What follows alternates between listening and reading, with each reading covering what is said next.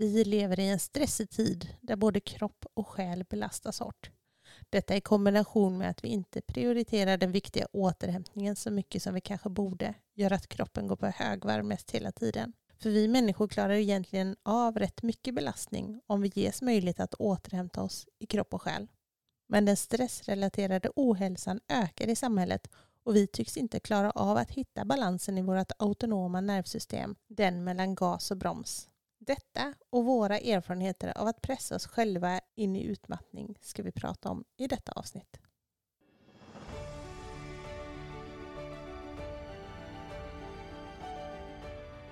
Välkommen till en stilla podd med mig Matilda. Och med mig Anna.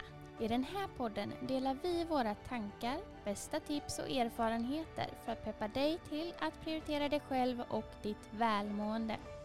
Vår övertygelse är att mer stillhet leder till mindre stress och mer balans, harmoni och glädje i livet. Nu kör vi!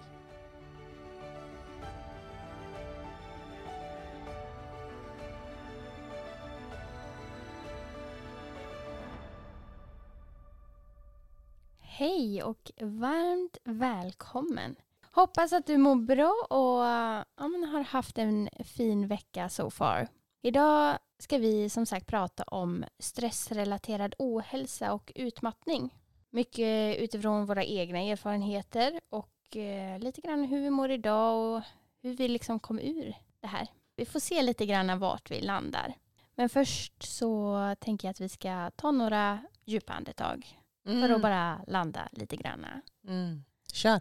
Kör. Okej, jag kör. Du kör! Jag kör. Älskar när du kör. Okej. Om du har möjlighet så stanna upp, slut dina ögon och eh, bara andas in genom din näsa. Fyll bröstkorgen. Och så andas du ut genom munnen.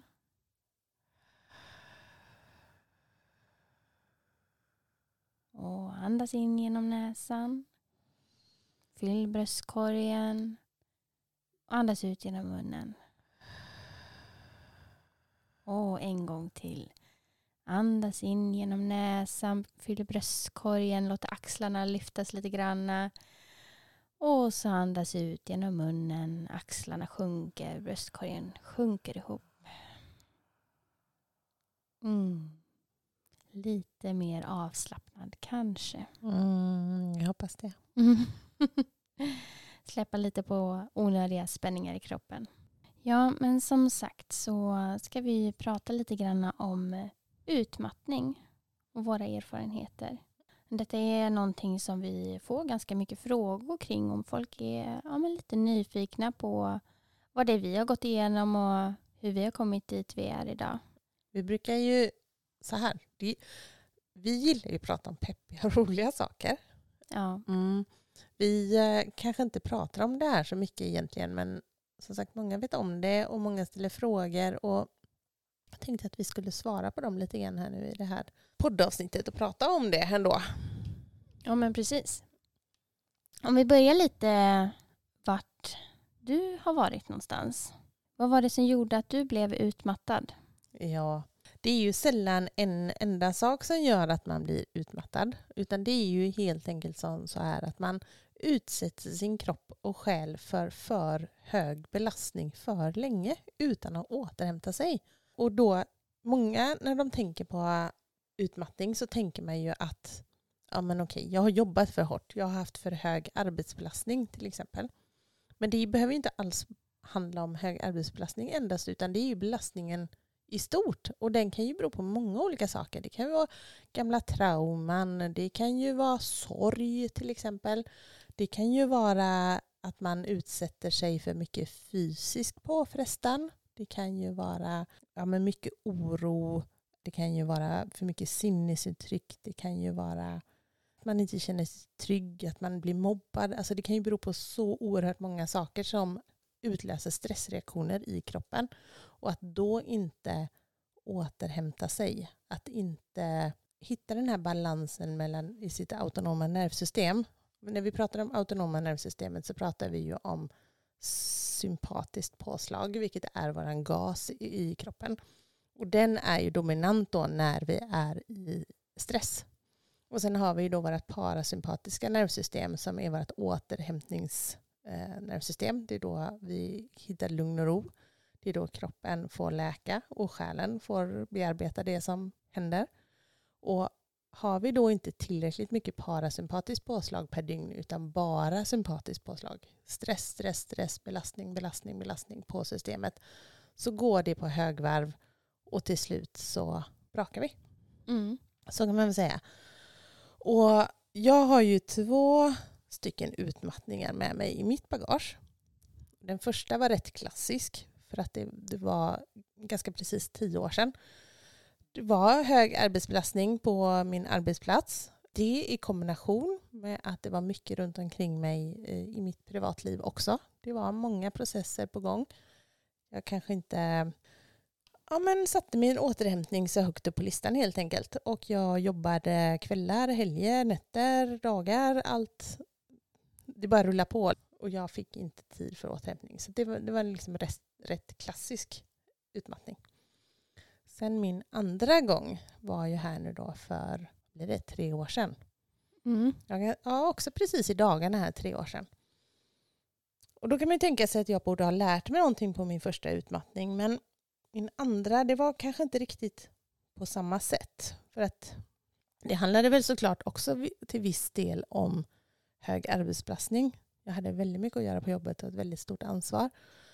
Men det som jag ändå kanske ser som den avgörande punkten, det var att jag eh, inte var trygg på jobbet. Jag fick sällan jobba med det som jag tyckte att jag skulle jobba med. Det var många som ryckte och slet i mig och väldigt, väldigt många som hade åsikter om vad jag skulle göra på mitt jobb.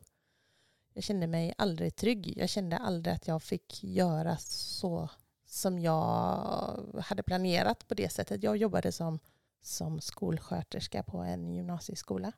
Och att vara den enda personen som jobbar i... Ja, jag var ju den enda i min profession helt enkelt.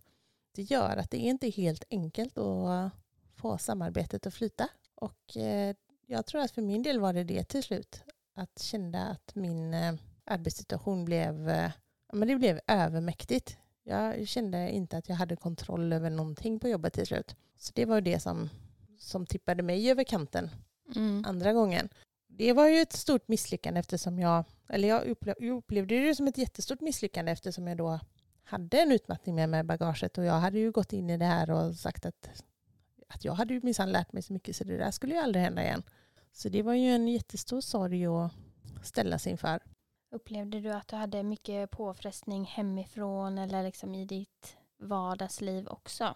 Den här andra gången tänkte du? Ja, andra gången. Nej, det var det jag inte tyckte. Utan eh, första omgången så kan jag ju se att, att det var så. Men nu andra gången så tyckte jag egentligen att jag var rätt tillfreds med mitt liv rent generellt. Så att jag tror att det var därför det, det gjorde mig så förvånad när det hände. Mm. Men det är klart att ja, jag missbedömde nog kanske lite grann arbetsbelastningen också. Att arbetsbelastningen hade ändå varit rätt hög under rätt lång tid och så var det väl precis som att den här känslan av otrygghet på jobbet, att den tippade över mig på något vänster. Och det kom lite som, eller jag ska inte säga att det inte kom från ingenstans, för det, så var det ju inte. Egentligen så signalerade jag till min arbetsgivare rätt länge att jag hade stresssymptom. Det gjorde jag nog nästan ett helt år nu när jag tänker efter. Att jag hade lite knöligt med sömnen och ja, hade svårt och hade en del stresssymptom, liksom lite hjärtklappning och sådana, sådana där saker. Ja. Så att, ja. Men det var ändå, jag tror ändå att jag blev, eh, jag blev väldigt, väldigt chockad när det hände. När jag gick hem från jobbet och inte kunde gå tillbaka igen. Mm. Mm. Det bara sa stopp eller? Det bara sa stopp. Ja, men det, var, det var verkligen jätteläskigt. Jag hade, hade lite av ett krismöte med min, min chef och en kollega som var med också. Och jag vet att när jag gick från det här mötet så, så kände jag mig, alltså det var precis som att kroppen, alltså så här, jag var vid sidan av mig själv. Jag kunde nästan se mig själv utifrån på något vänster. Och jag tänkte ändå så långt att nu ska jag ta med mig alla mina viktiga saker från jobbet för jag vet inte när jag kommer tillbaka nästa gång. Alltså jag hade ändå det på något konstigt sätt så hade jag det med mig. Så jag stoppade ner liksom alla mina ja, men min almanacka och alla sådana saker som jag kanske hade låtit ligga på jobbet i vanliga fall. Mm. Och stoppa ner det. Och sen så vet jag att jag skulle gå till bussen. Och från mitt jobb till bussen, som jag har då tagit varje dag i sju år, så var det, vad kan det vara, 200 meters promenad. Och när jag kommer utanför dörren så vet jag inte på fullt allvar vilket håll jag ska gå för att ta mig till bussen. Och det var så obehagligt. Det stack liksom hela kroppen. Alltså det var precis som att jag hade tusen nålar på insidan av min kropp som stack mig in. Ja, det var så himla skum känsla. Och ja, på något sätt tog jag ju mig till bussen och på något sätt tog jag ju mig hem. Men det är ju liksom som en stor minneslucka alltihopa. Jag vet inte riktigt hur jag tog mig hem. Jag vet att jag tänkte på vägen till bussen att jag har ingen aning om hur jag ska ta mig dit. Nej. Och sen var jag hemma. Så jag vet inte riktigt hur det hände. Och eh, sen, eh, ja, jag var ju sjukskriven ett tag och rehabbade mig ett tag men jag kom ju aldrig tillbaka till mitt jobb, till mitt kontor efter det. Nej, Det blev väl att du sa upp dig? Ja, till slut gjorde jag det. Mm. Jag hade ju, eh, det här var ju i mars då, 2019. Och så var jag ju sjukskriven fram till sommaren där på heltid. Och sen så under, ja men ganska precis resten av, ja, så, så mars 2020, då var jag väl rehabbad och klar och uppe på heltid. Men då var jag inte på min arbetsplats utan då var jag på en annan arbetsplats i kommunen och gjorde min rehab. Och eh, ja, efter ett år där då när jag inte var sjukskriven längre så jag hade möte med min, med min chef så, så får jag reda på att eh, ingenting kommer förändras. De är inte beredda att göra några eftergifter utan de kommer fortsätta ställa samma krav på mig och lägga upp arbetet på det sättet som de ville. Mm. Och då kände jag att nej, men då kan jag ju inte vara kvar. Det kommer ju, har, har det liksom gått åt pipan en gång så kommer ju göra det igen. Jag kan ju inte gå tillbaka till en arbetsplats som inte förändras någonting. Utan, så då med väldigt, väldigt tungt hjärta ska jag säga, för det var skitjobbigt, för det var mitt drömjobb. Så sa jag upp mig. Lika bra det. Ja, det kan man ju tycka. Och det, det är ju, även första gången sa jag ju upp mig och började, började plugga. Så att eh, jag tror att det kan vara svårt att stanna kvar på en arbetsplats som en gång har varit eh, en av orsakerna till att man blir sjuk, även om inte det är all, en, alltså, det behöver inte vara den enda ehm, Faktorn. faktorn. Nej, men precis. Utan det, det kan ju vara en del av det. Så, men, men då tror jag att det är svårt. Mm. Hur såg det ut sen då? Var, vart, eh, vart tog du vägen någonstans? Ja, jag tog mig ett halvår där jag jobbade lite grann som timvikarie och pluggade. Och eh, unnade mig den tiden att bara landa. Att inte vara sjukskriven, att inte vara arbetslös, inte ha någon som bestämmer över mig utan leva på gamla besparingar och bara få landa i vad jag vill och vad jag vill göra och se till att liksom ge mig den tiden. För hur det än är när man är sjukskriven så ska man tillbaka och det finns en press hela tiden att man ska liksom tillbaka. Mm.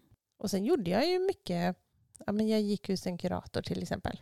Som, och jag, gick, hos- jag gick hos henne i ett och ett halvt år och det hjälpte mig otroligt mycket för det är klart att det handlar väldigt mycket om att se sina egna mönster. Varför reagerar jag så mycket på det här? Varför klarar inte jag av att, att bli styrd och inte få styra min egen dag och inte göra saker och ting på mitt sätt så som jag tror på det? Och varför, ja, alla, alla de här grejerna. Varför, varför är jag som jävla prestationsprinsessa och Mm. ja, men du vet alla de här delarna. Om man liksom får hitta sig själv och bearbeta de sakerna och se sina egna mönster. Det tror jag är ju hela nyckeln till att eh, inte hamna där igen helt enkelt.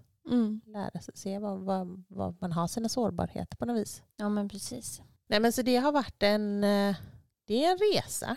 Och jag känner väl att jag på många sätt är ute på andra sidan så sett. Men det, det finns ju också saker och ting som hänger kvar. Alltså hjärntrötthet och eh, inte alls klarar av samma belastning längre. Utan det är precis som att min toleransnivå är mycket, mycket lägre nu för tiden. Har du eh, några speciella verktyg sådär som du använder dig av eh, idag? Ja, men nu handlar det ju väldigt mycket om att förebygga. Så är det ju. Att just det där, hitta den här balansen mellan gasen och bromsen. Att hela tiden i vardagen, att inte börja vila när det redan är för sent. Utan att vila lite i förebyggande syfte också. Att har jag varit en dag på arbetet med hög belastning i, i form av liksom att jag behöver vara koncentrerad hela tiden och så. Att man får vara på tårna då måste jag fatta att jag måste ha återhämtning. Och jag har ju till exempel nu då en chef, en arbetsgivare som har lagt in återhämtningsstunder även på arbetstid. Vilket är oerhört värdefullt för att jag sitter ju nu då som telefonsjuksköterska och efter ett par, tre samtal så är ju min hjärna lite kokt. Mm. Och att då få gå undan eh, tio minuter, en kvart och eh, andas, meditera, lägga mig på yogamattan, lägga mig i massagestol eller vad det nu är för att liksom återställa systemet. Det är livsnödvändigt. Mm. Så att jag tänker väldigt mycket återhämtning nu. Jag försöker hela tiden se, se mitt autonoma nervsystem och se liksom till att jag har den här balansen. Jag är väldigt känslig för det nu tror jag. Att jag känner in det. Jag känner rätt fort när det blir för mycket. Och jag försöker verkligen förebygga att det inte blir för mycket. Så att, eh, ja nej, förhoppningsvis har man väl lärt sig någonting på det. Tänker jag. Ja, men det, det får vi väl tro. Mm.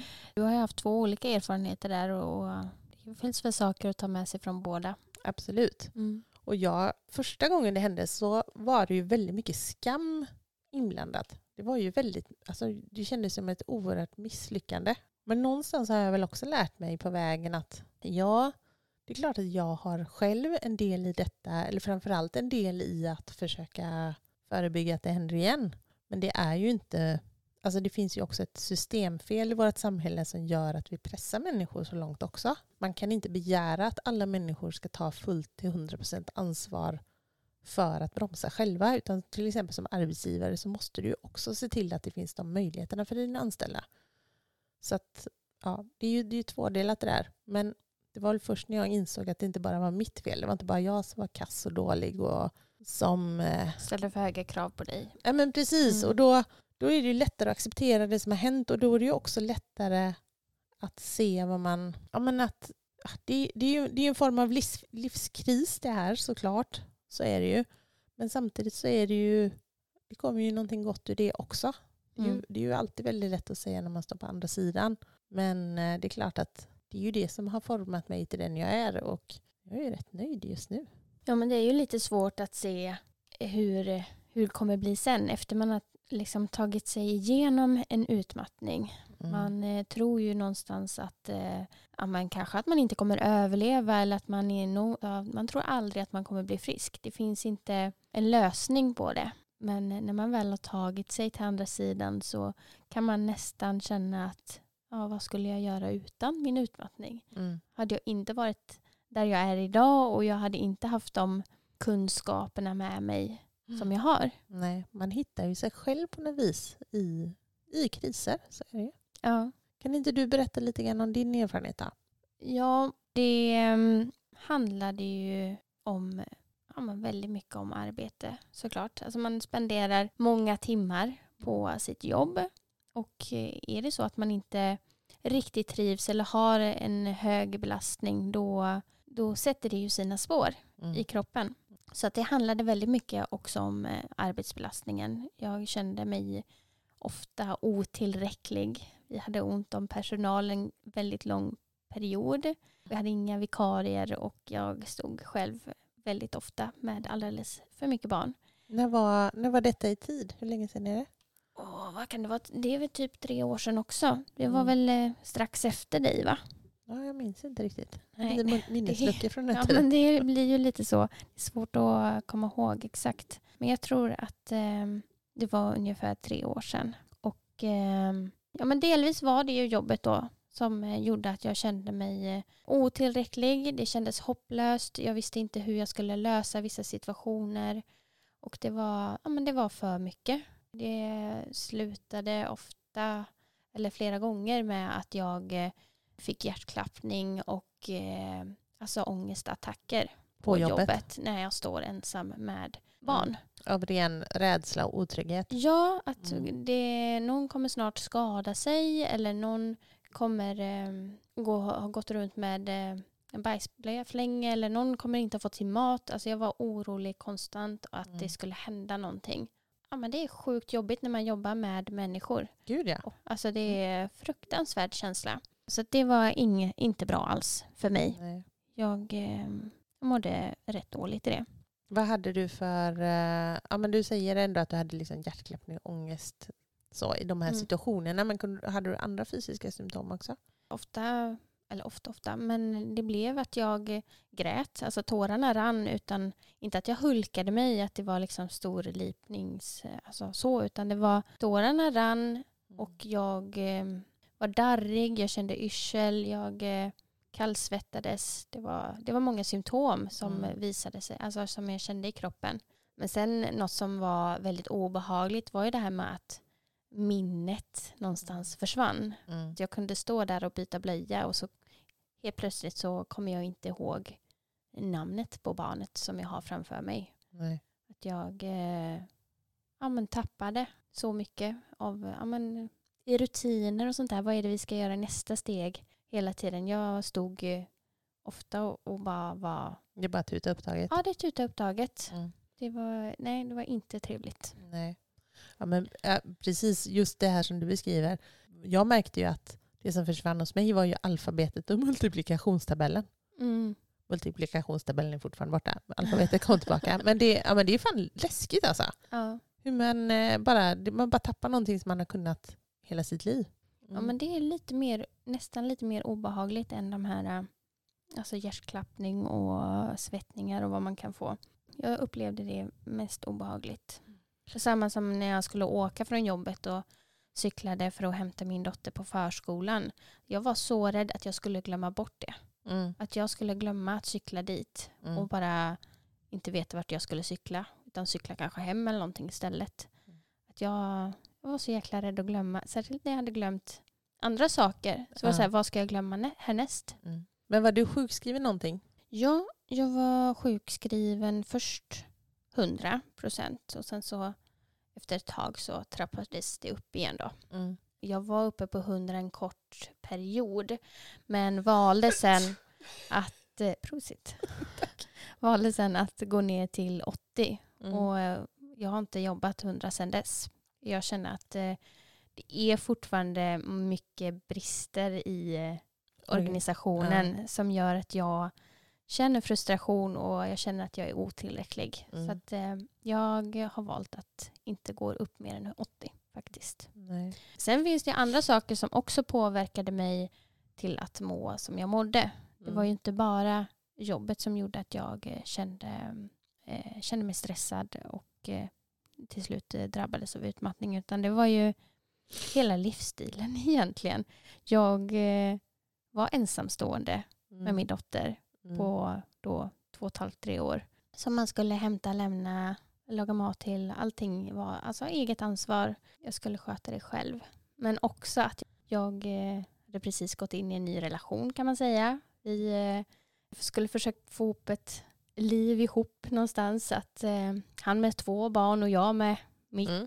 Hela den logistiken och försöka träffas och hur skulle allting gå? Alltså det var mycket oro, Ja. mycket tankar som snurrade kring både framtiden och få till ett liv tillsammans. Det var och förändring Mm.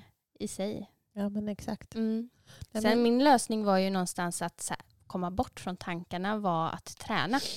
Jag gick Mm. och crossfit-tränade för att släppa tankar och bara fokusera på det jag gjorde. Och eh, alltså, träning är ju också en belastning för kroppen och tar Exakt. mycket energi. Mm.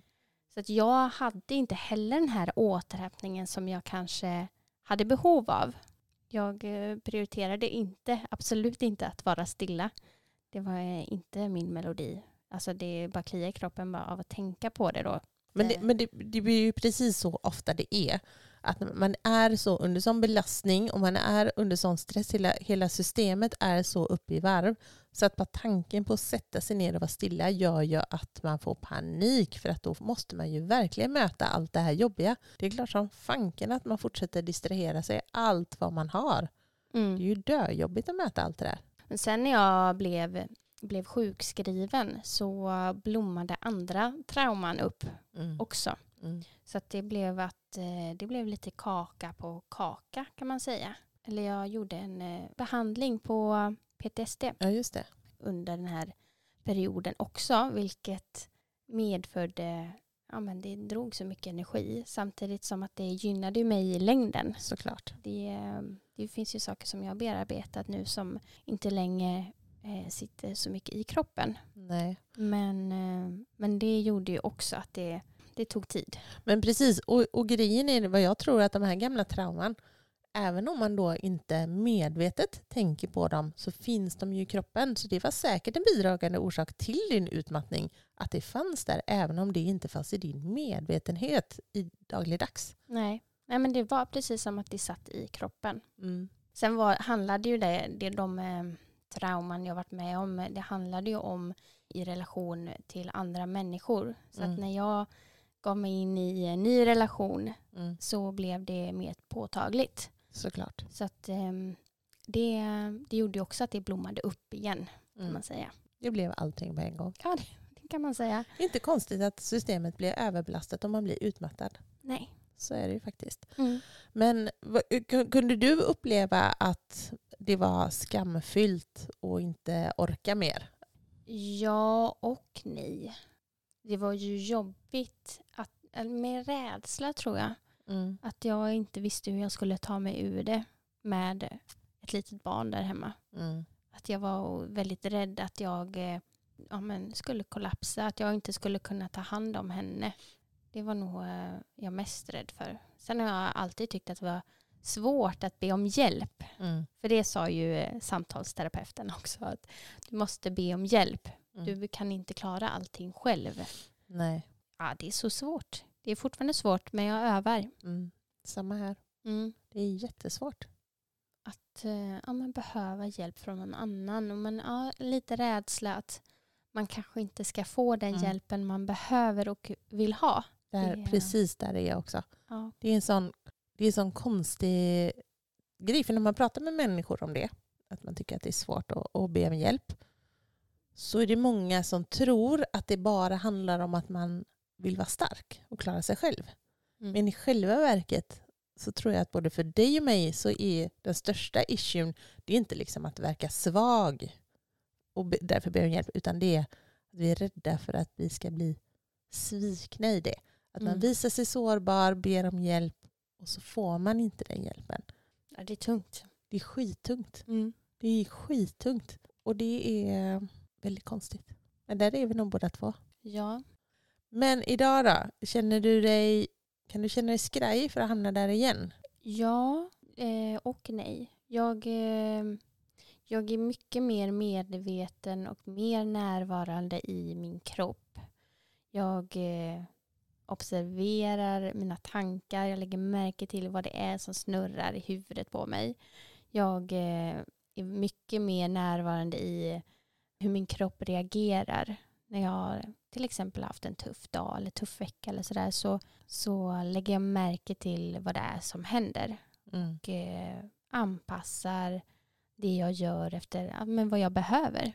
Vad är mina behov? Behöver jag återhämta mig extra just nu? Eller behöver jag ett träningspass? Mm. Eller behöver jag, vad det än jag behöver så prioriterar jag det. Mm. Så att jag är mycket mer observant och, och lägger märke till saker som jag förut då kanske sket i. Mm. Alltså jag bara, ja, jag tar det sen.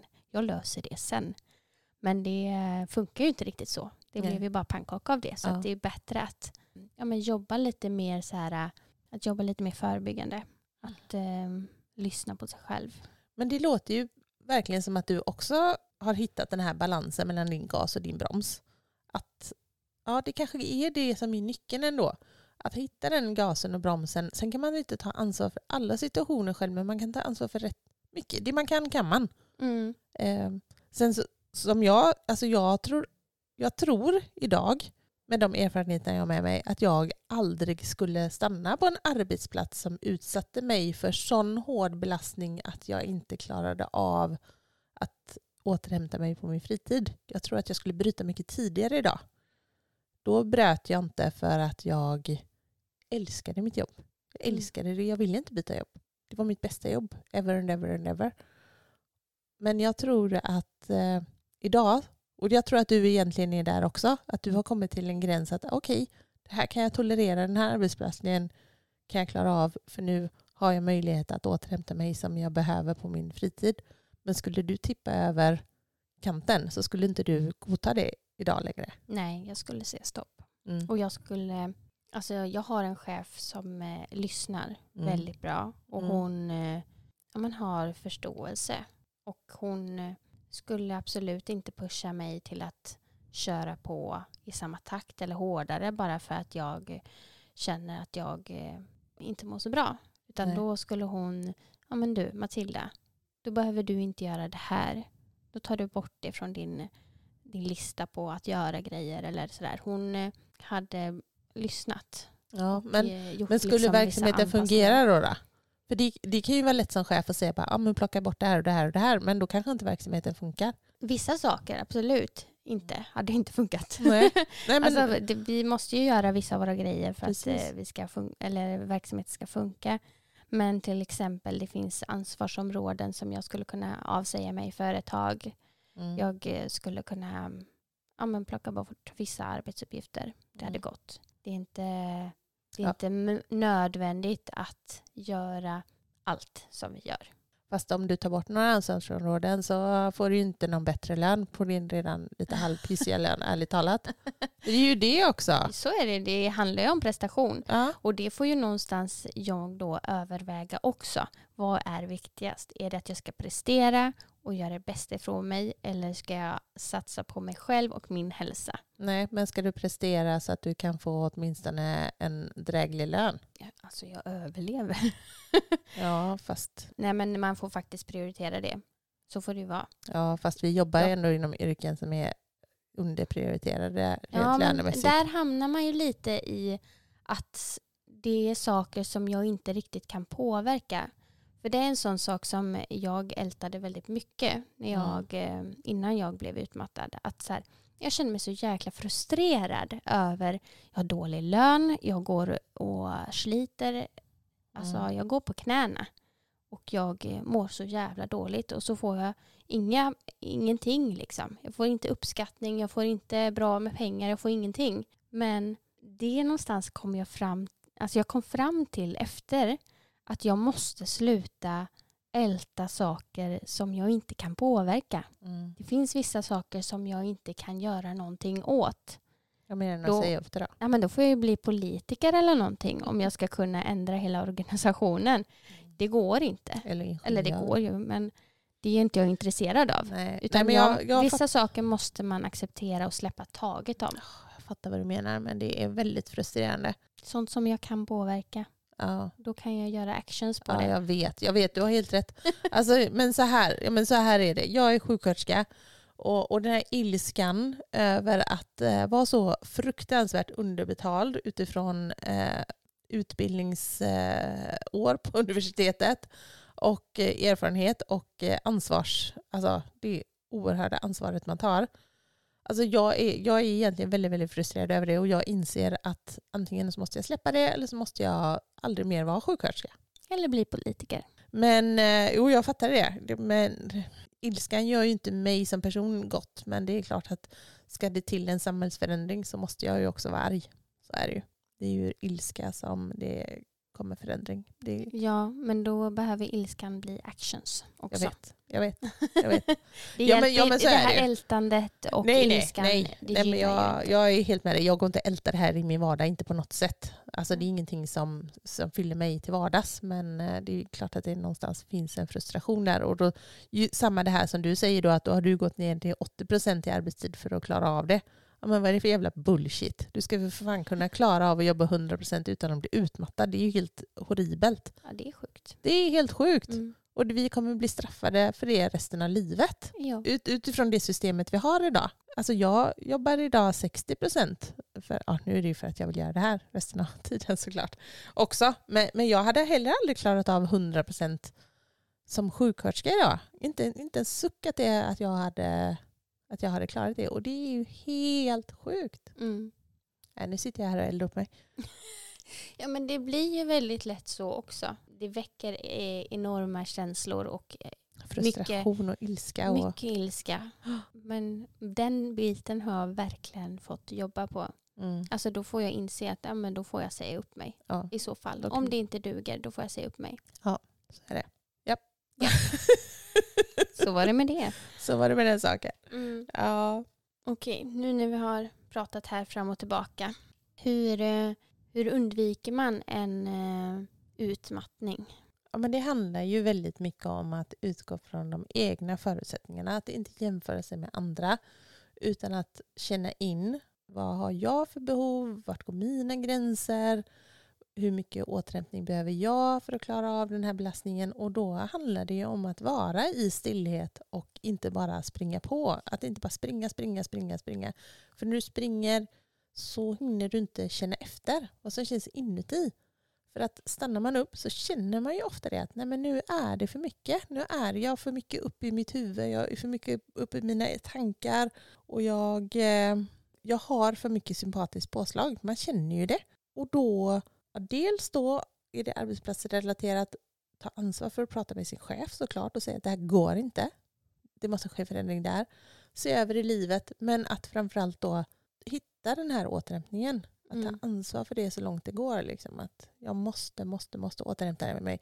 Andra kanske fixar att jobba heltid, ha väldigt mycket saker på fritiden. De kör ungar hit och dit, de har ett perfekt hem, de har, åker på resor, de gör och de gör och de gör och de fixar det.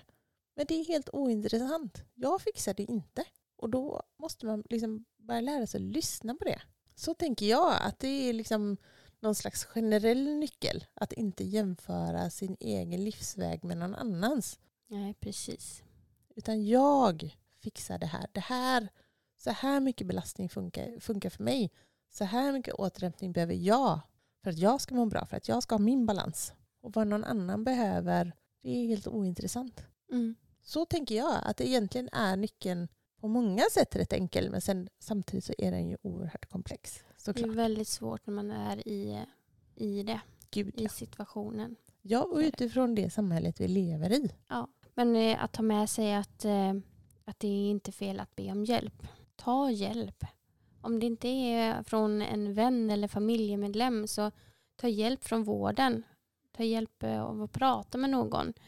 Det finns, eh, finns folk där som, eh, som hjälper till. Ja, både det, att hitta dem och att skala bort saker som kan skalas bort av. Sluta titta på andra, sluta jämföra dig med andra. Prata med din chef. Se över din vardag, se över ditt liv. Liksom. Och sänk kraven. Alla de här sakerna som att känna mer tacksamhet efter det man har också. Att liksom inte hela tiden sträva efter någonting annat utan att befinna sig i nuet och vara nöjd och glad med det man har. Det kommer Mm. man ju rätt långt på. Det har eh, blivit dags för oss att eh, avrunda det här avsnittet. Vi eh, hoppas att vi har kunnat skicka med någonting viktigt som du kanske kan ta till dig. Ja, även om det här inte var det mest peppiga avsnittet vi har haft så är det viktiga saker att prata om och vi förstår också vikten av att dela med sig av sina egna erfarenheter. Precis. Det är ingenting att eh, skämmas för. Det är ingenting att försöka gömma utan eh, vi tror att det är viktigt att vara lite transparenta i det här. Absolut. Mm. Vi eh, önskar dig en fortsatt fin vecka så hörs vi igen nästa vecka. Ha det så bra. Ha det bra. Hej då! Hej då!